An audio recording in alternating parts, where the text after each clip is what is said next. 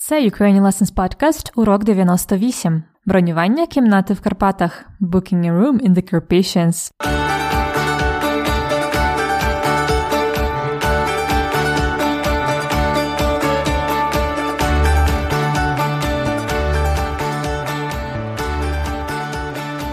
Привіт!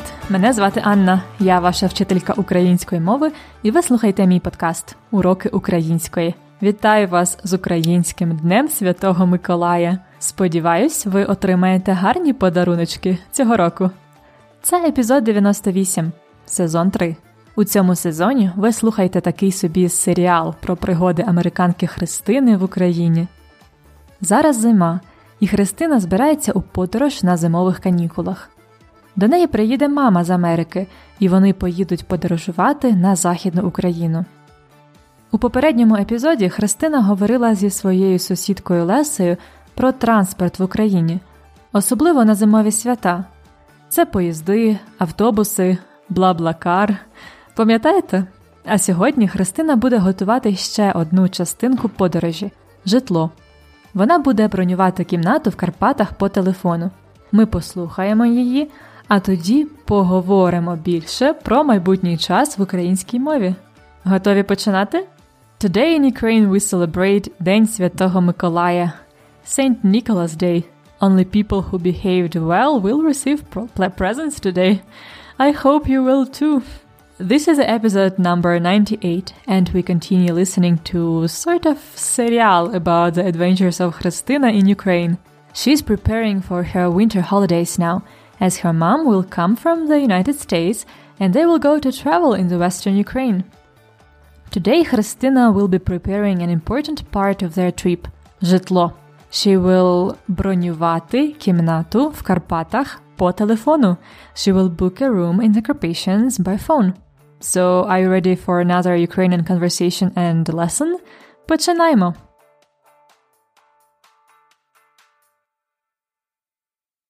Отже, сьогодні ми будемо говорити про житло accommodation – ми вже говорили на тему житла на подкасті. Це були епізоди 42, 43, 44.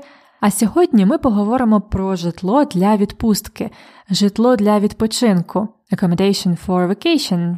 Коли ви подорожуєте, ви можете зупинятися у різних типах житла. Наприклад, ви можете зупинитися в друзів чи в родичів, you can stay with your friends or relatives, і це дуже типово в Україні і дуже дешево. Інший популярний варіант це готель. Звичайний готель, тризірковий, чотиризірковий, п'ятизірковий готель. А ви часто зупиняєтеся в п'ятизірковому готелі.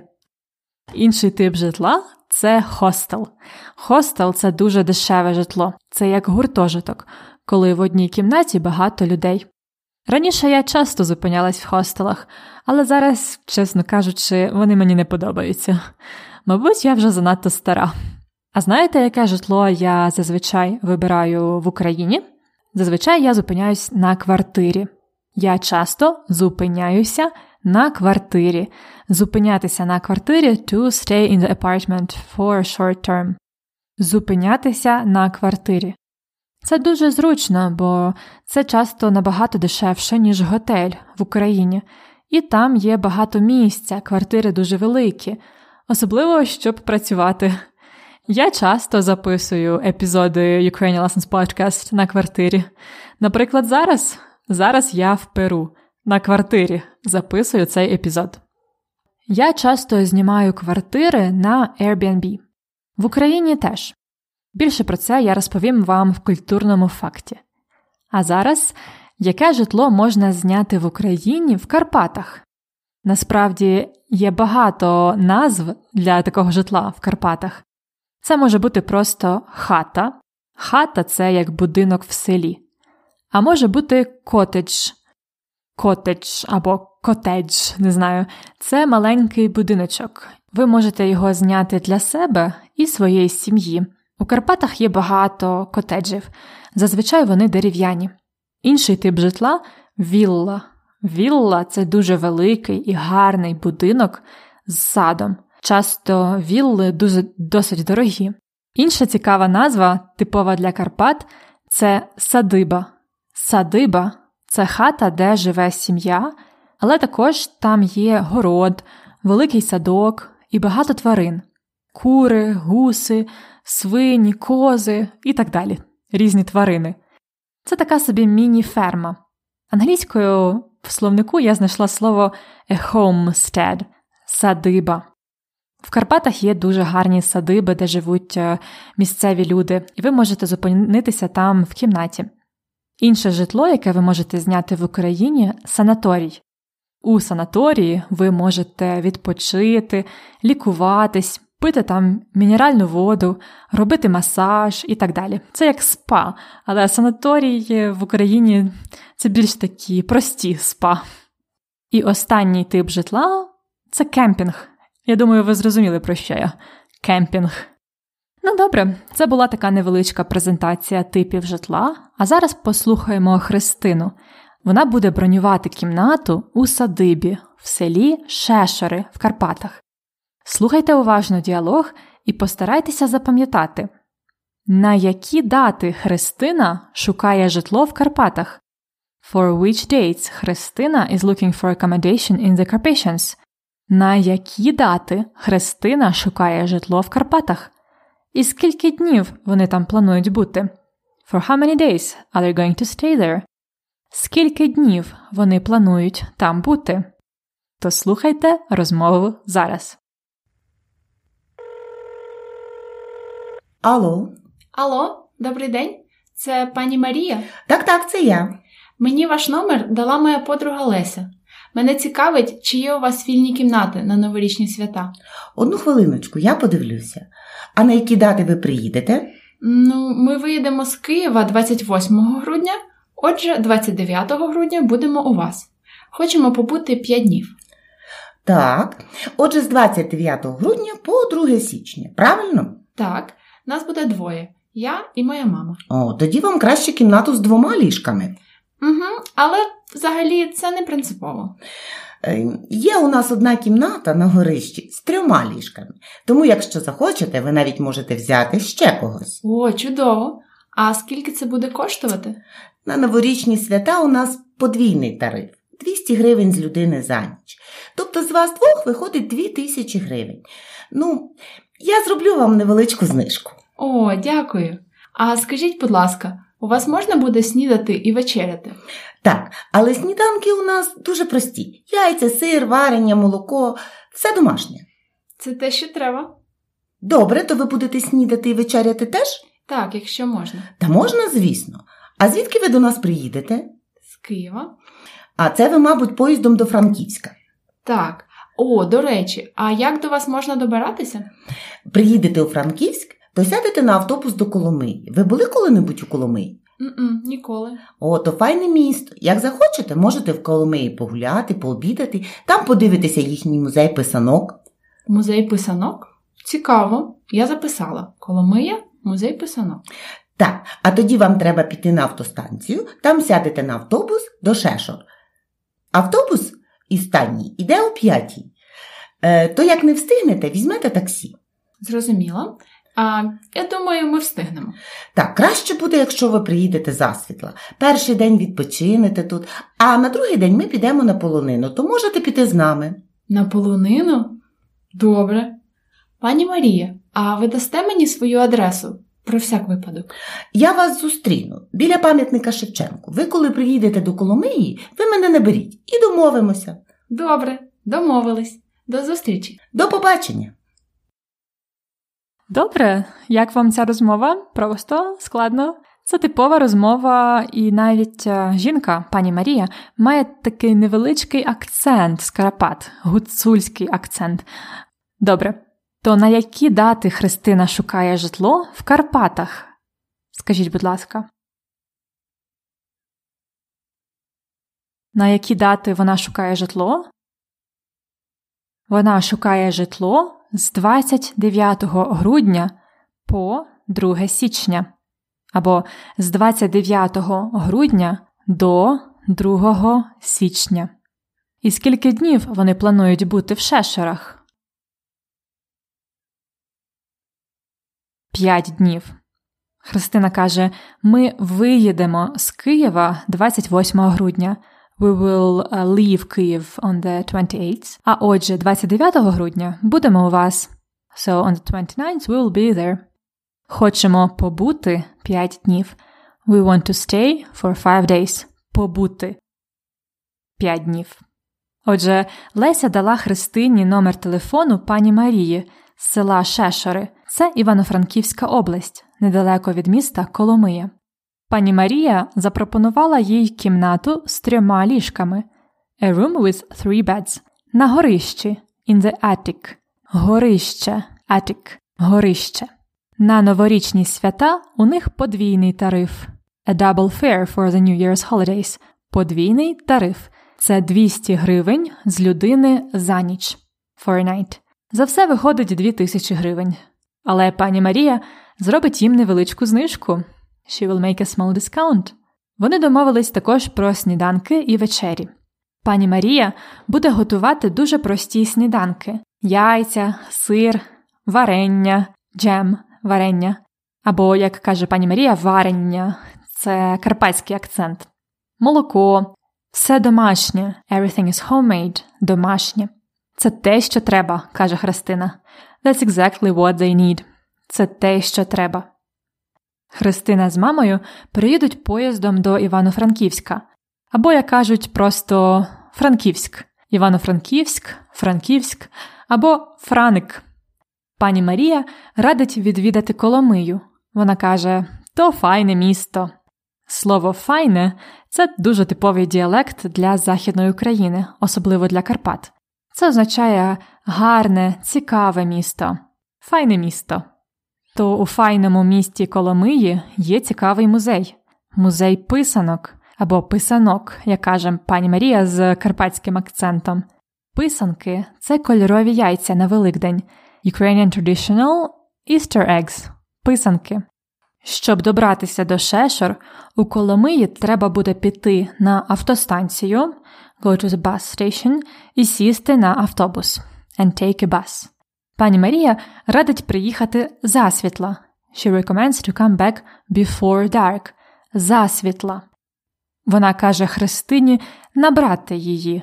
She asks Христина to call her when they are there and she will meet them near the monument to Taras Shevchenko in the village.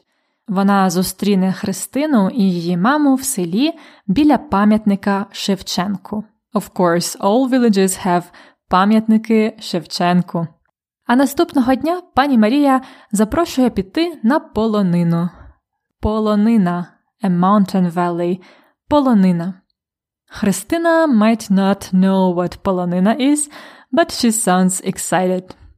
По-моєму, пані Марія дуже приємна жінка.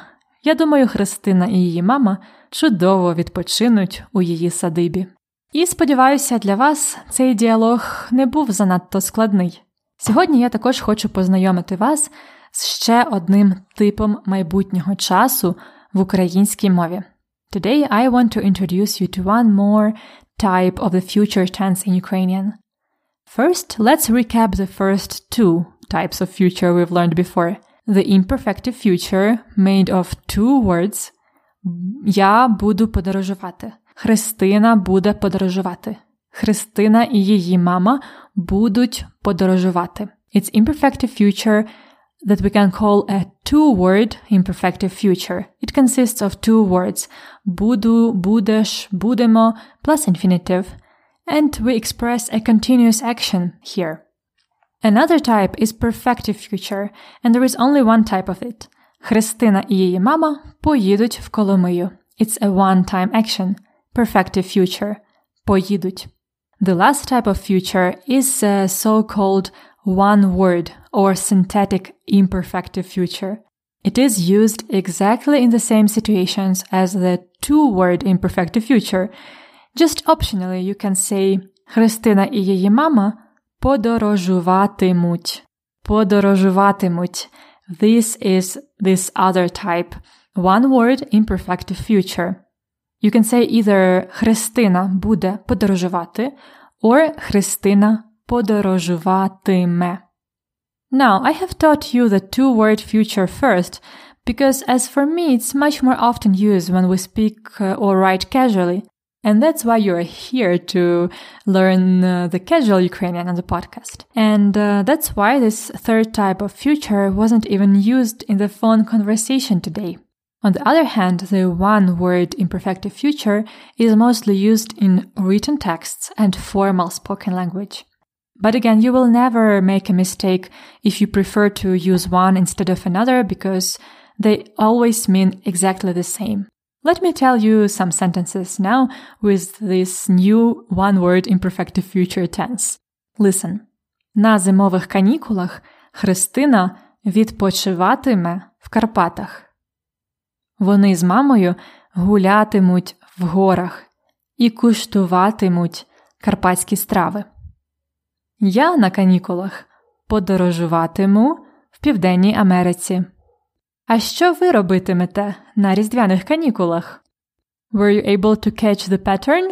I know, the verbs might seem very long, but in fact, this is probably the easiest tense of all the Ukrainian tenses.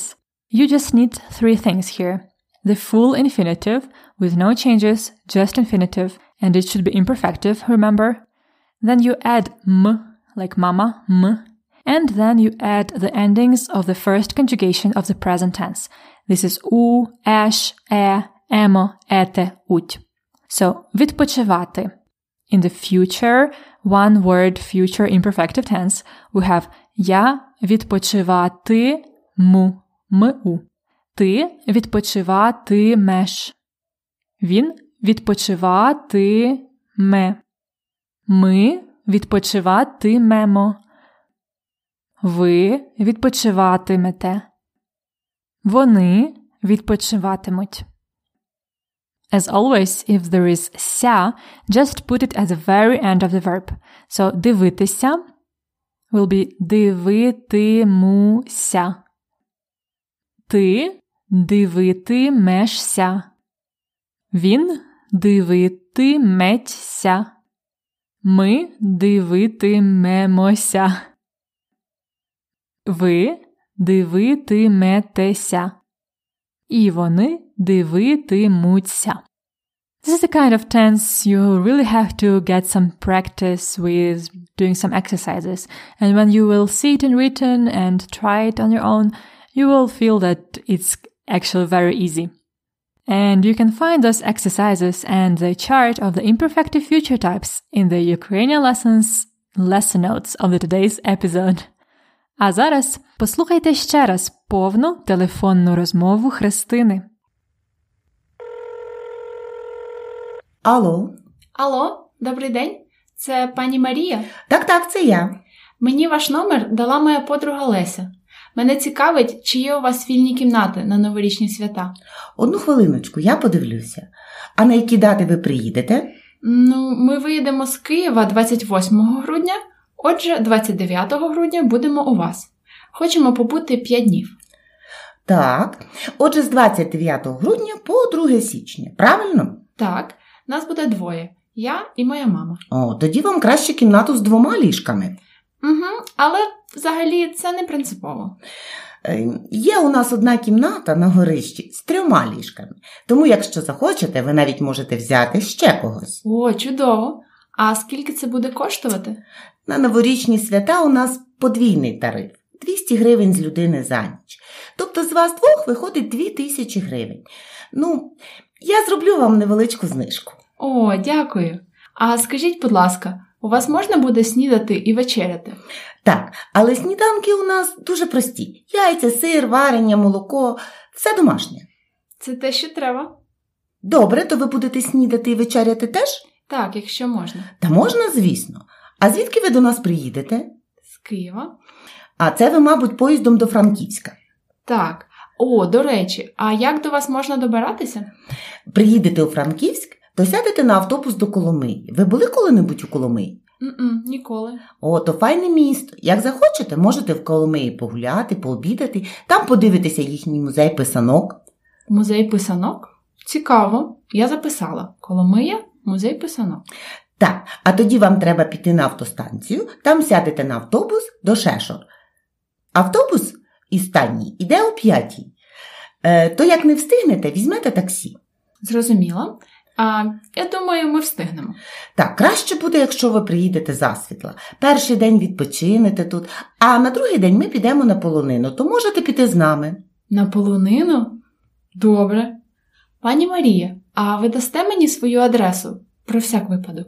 Я вас зустріну біля пам'ятника Шевченку. Ви, коли приїдете до Коломиї, ви мене не беріть і домовимося. Добре, домовились. До зустрічі. До побачення!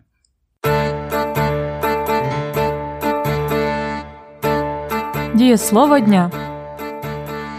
Христина зателефонувала пані Марії і домовилася про кімнату в Карпатах. Також вони домовилися, що пані Марія готуватиме їм сніданки і обіди. Дієслово дня домовитися, домовлятися. It means to arrange, to make arrangements, to settle, or to come to an agreement or understanding.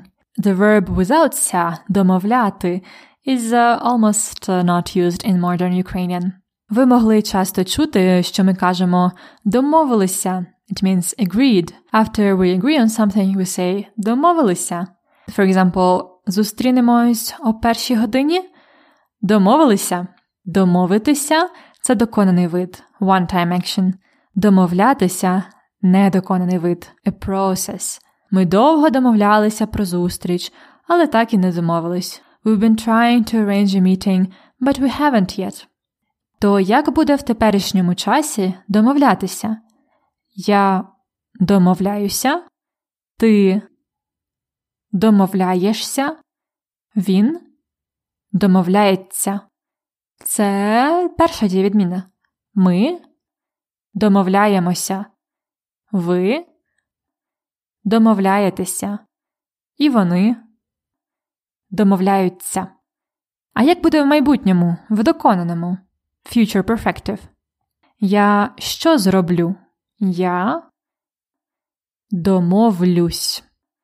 Because we have a label sound в, we have to put L for the forms of я і вони.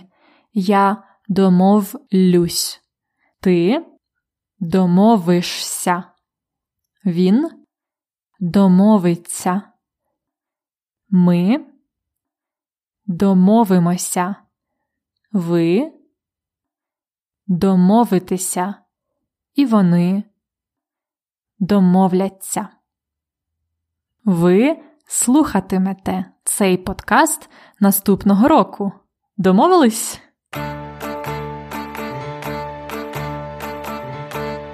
Фразеологізм дня.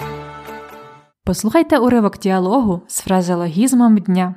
Пані Марія, а ви дасте мені свою адресу про всяк випадок? Я вас зустріну. Фразеологізм дня про всяк випадок. Literally for any occasion. It means just in case, just to be safe. Христина хотіла взяти в пані Марії її адресу про всяк випадок. Христина wanted to take uh, пані Maria's address just to be safe. Another example. Про всяк випадок вам варто вивчити всі три види майбутнього часу в українській мові. You should learn all three types of the future tense in Ukrainian, just in case. І про всяк випадок завантажте на телефон. Download on your phone цей подкаст, щоб слухати його офлайн.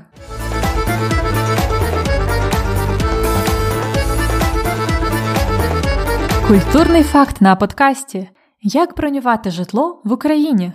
Not long time ago in Ukraine, we were not booking hotels or huts in the Carpathians online or by phone. We would just go there. We would go to Odessa or a village in the Carpathians and people would come to us right at the railway station or bus station and offer their rooms. Then we started to book accommodation by phone, for example, by someone's recommendation. And just like Lesia gave Pani Maria's number to Christina, this is still very common and it's uh, quite a reliable way to book good, good житло. However, it's hard to find recommendations for everywhere. So whenever I travel in Ukraine, I personally book my hoteli, sadiby, cottegi at uh, the well-known website booking.com. And I book my apartments, that's again, which is again a very good choice in Ukraine, through Airbnb. These are international websites, and I like how reliable they are when you can see pictures and people's reviews. Otherwise, there are many Ukrainian websites to book accommodation, but they could get tricky as there are often no or few reviews and just uh, some contact details. Usually you would have to provide a prepayment, which is not always so safe. So just to be safe, про всяк випадок, I prefer booking.com or Airbnb. If you have never used Airbnb, I strongly recommend it, especially for the big cities like Kyiv and Lviv. They have great choices of local apartments or even rooms at the people's apartments that could allow you to feel how Ukrainians live, how they decorate their places and what things they have. On the contrary, if you book one of those fancy apartments on some other websites, they often have this weird kitsch interior design with a lot of gold things and statues and stuff like that. This is not how typical Ukrainians live. If you have never used Airbnb, you can register with my referral link and get up to $30 credit, which would cover your one night in a simple apartment in Kyiv. You can find the referral link at ukrainianlessons.com slash episode 98. І, звичайно, ласкаво просимо до України.